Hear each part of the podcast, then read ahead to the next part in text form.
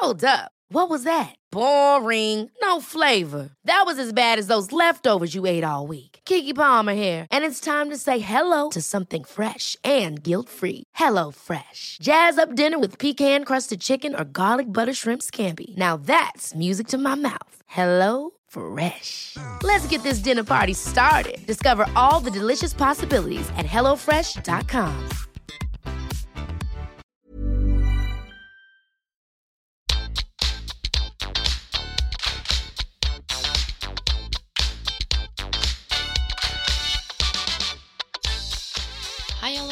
og velkommen tilbake til podkasten Karriereveiledning med Elaine.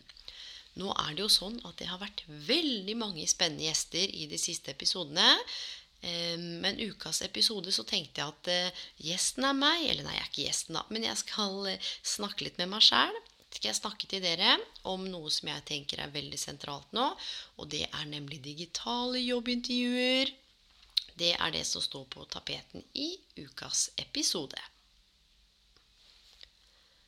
Nå er det jo sånn at vi har alle sammen stått i en situasjon som jeg ikke trenger å bruke så mye tid på akkurat nå.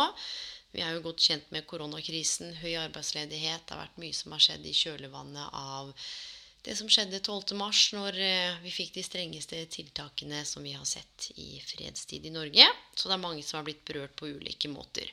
Nå er det sånn at arbeidsmarkedet så vidt er i ferd med å åpne igjen, og det er flere og flere som blir kalt inn til jobbintervjuer, og spesielt over Skype, Zoom eller noen av de andre digitale flatene, selvfølgelig for å unngå smitte og forholde seg til forhåndsreglene.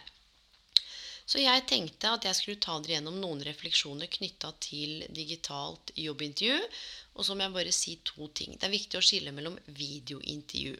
Og et videointervju det betyr at du får tilsendt et case eller tilsendt noen spørsmål hvor du selv skal spille inn en video. Der kan det være at du har muligheten til å spille inn flere ganger hvis du kjenner at du bommer litt første gang eller ikke får med alt. For så skal du sende det tilbake. Gjerne innen en tidsfrist. Men det vi skal ta for oss i dag, det er eh, on demand live eh, jobbintervju via digitale flater. Og det vi skal se på, er noen veldig konkrete refleksjoner, og jeg håper det kan bidra til å hjelpe deg når du skal på ditt neste digitale jobbintervju. For det er jo ikke sånn at jobbsøkerprosessen har stoppa helt opp, som jeg sa. Etter hvert nå så begynner det å komme i gang mer og mer. Så hva er det som kan være lurt å tenke på? Helt grunnleggende skal bare kort si at i begynnelsen, når jeg starta å lage den podkasten her, så er jeg både en episode om hvordan gjøre en rå CV, hvordan skrive gode, åpne og målretta jobbsøknader, også om intervjuprosessen, så du kan hente masse der. Det er ikke kjempestor forskjell fra vanlig jobbintervju og digitalt jobbintervju, men det er allikevel noen nyanser aller, aller først så handler det om den tekniske innsikten du har. Det kan være at du skal ha intervjuet på en flate du ikke kjenner til, eller et verktøy du ikke har brukt før.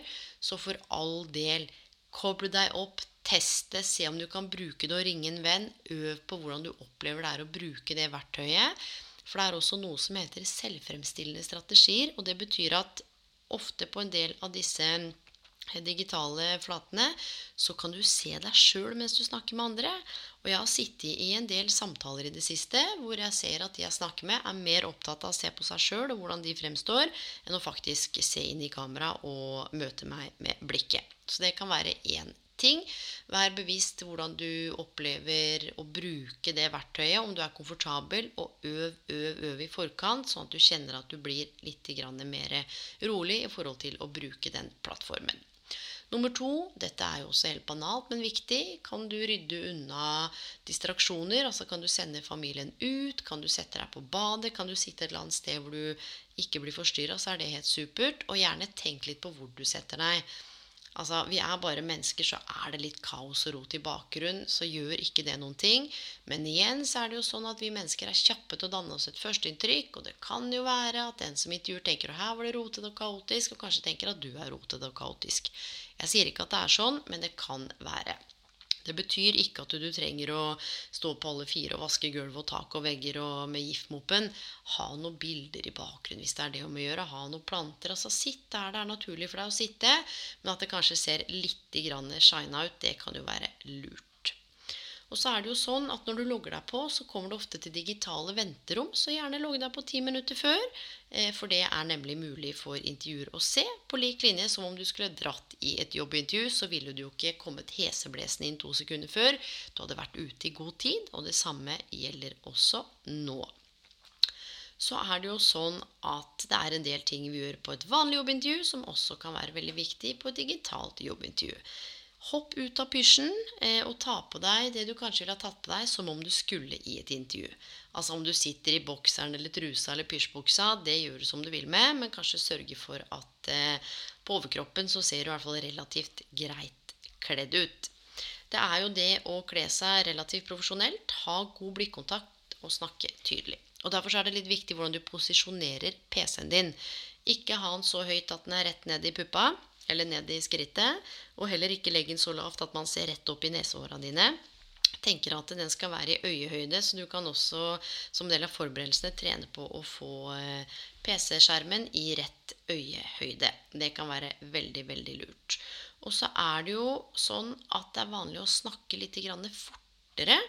Sånn at det kan være lurt å være bevisst det. Hvis du er glad i å prate og liker å prate mye, så er det noe med det at når du sitter overfor et annet menneske, så blir det litt annen flyt i dialogen.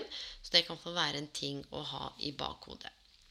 Det er jo også sånn at det er lett å bli distrahert av ting i sitt eget hjem. Så ta bort det du tenker kan forstyrre deg, uroe deg. Legg bort telefonen. Men det er absolutt lov å ha noen små huskelapper, kanskje ha CV-en og søknaden din ved siden av deg og penn og papir. Men skal du ta noen notater, så gi beskjed om at det er det du skal gjøre. Sånn at ikke jeg sitter og lurer på hvorfor du ser ned hele tiden. Altså sitter og spiller Candy Crush, eller kjeder jeg deg, liksom. Kan kanskje intervjueren tenke. Så ikke skriv noen lange akademiske avhandlinger, men bare veldig korte stikkord hvis det er det om å gjøre.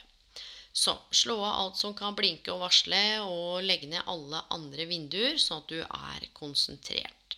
For det er jo nemlig sånn at People hire people. Det sitter jo bare et annet menneske i andre enden som skal intervjue deg. Det kan være at det er første gang de skal bruke det mediet her. Det veit vi ikke. Men igjen, nøkkelen her er grundige forberedelser. Les deg opp på egen CV og søknad. Les deg opp om bedriften. Tren på intervjuspørsmålene. Hva er motivasjonen din? Hva kan du bidra med? Altså, Hvorfor skal de velge deg? Hva er det med bedriften som gjør at du ønsker å jobbe der?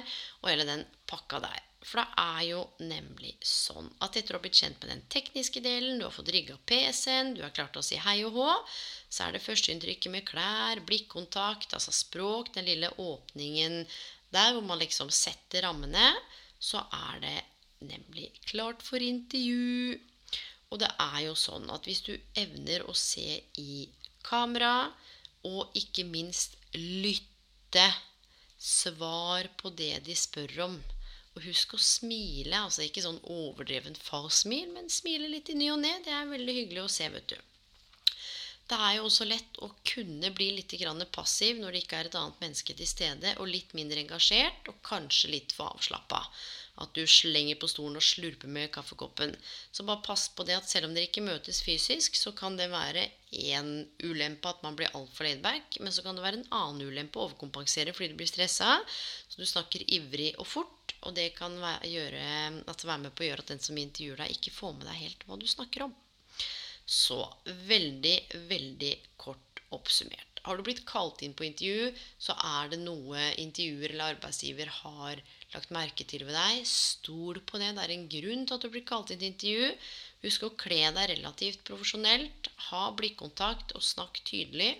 Svar på det du blir spurt om. Du kan gjerne komme med noen spørsmål også avslutningsvis. Gjør deg kjent med den digitale plattformen på forhånd.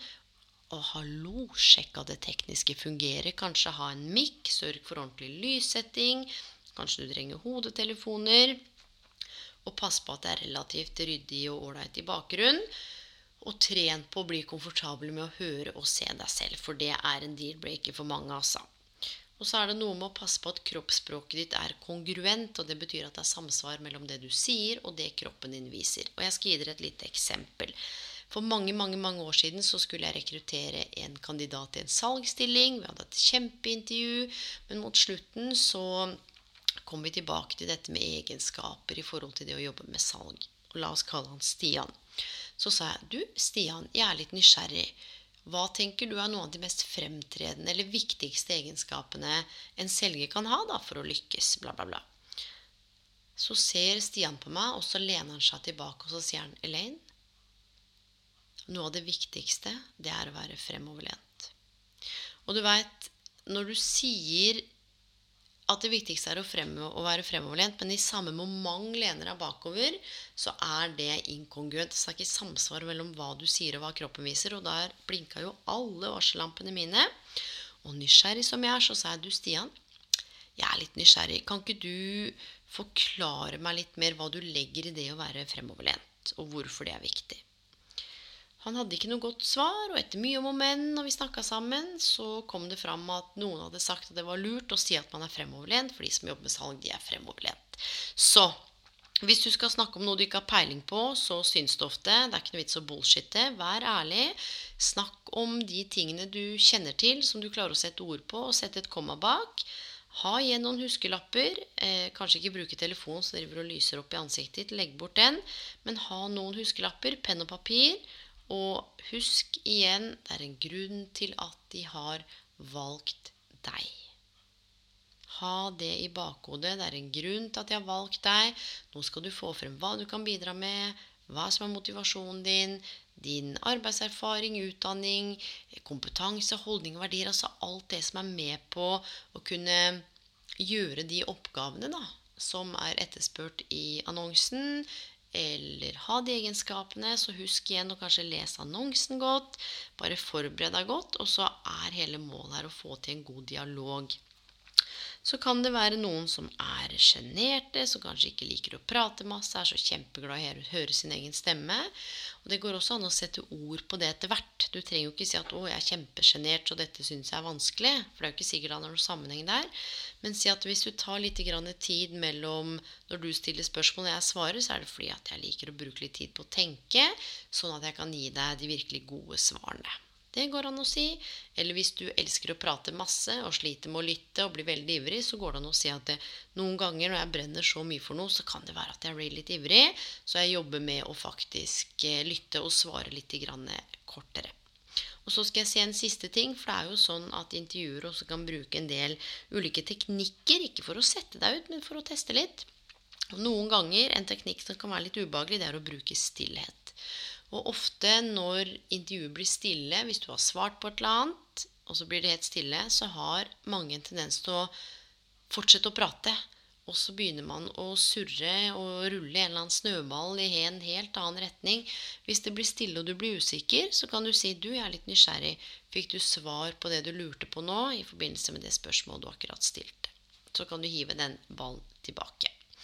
Og med det, mine venner, så håper jeg dere har i hvert fall fått noen refleksjoner som dere kan gjøre dere nytte av. Det finnes sikkert masse andre tips og råd, men jeg tenkte at det var lurt å samle noe av det jeg tenker er mest relevant.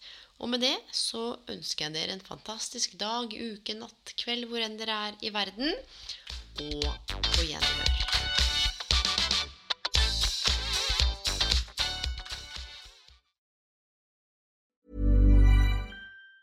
Planning for your next trip? Elevate your travel style with Quince. Quince has all the jet setting essentials you'll want for your next getaway, like European linen, premium luggage options, buttery soft Italian leather bags, and so much more. And it's all priced at 50 to 80% less than similar brands. Plus, Quince only works with factories that use safe and ethical manufacturing practices. Pack your bags with high-quality essentials you'll be wearing for vacations to come with Quince. Go to quince.com slash trip for free shipping and 365-day returns. Mom deserves the best, and there's no better place to shop for Mother's Day than Whole Foods Market. They're your destination for unbeatable savings, from premium gifts to show-stopping flowers and irresistible desserts. Start by saving 33% with Prime on all body care and candles. Then get a 15-stem bunch of tulips for just $9.99 each with Prime. Round out Mom's menu with festive rosé, irresistible berry chantilly cake, and more special treats. Come celebrate Mother's Day at Whole Foods Market.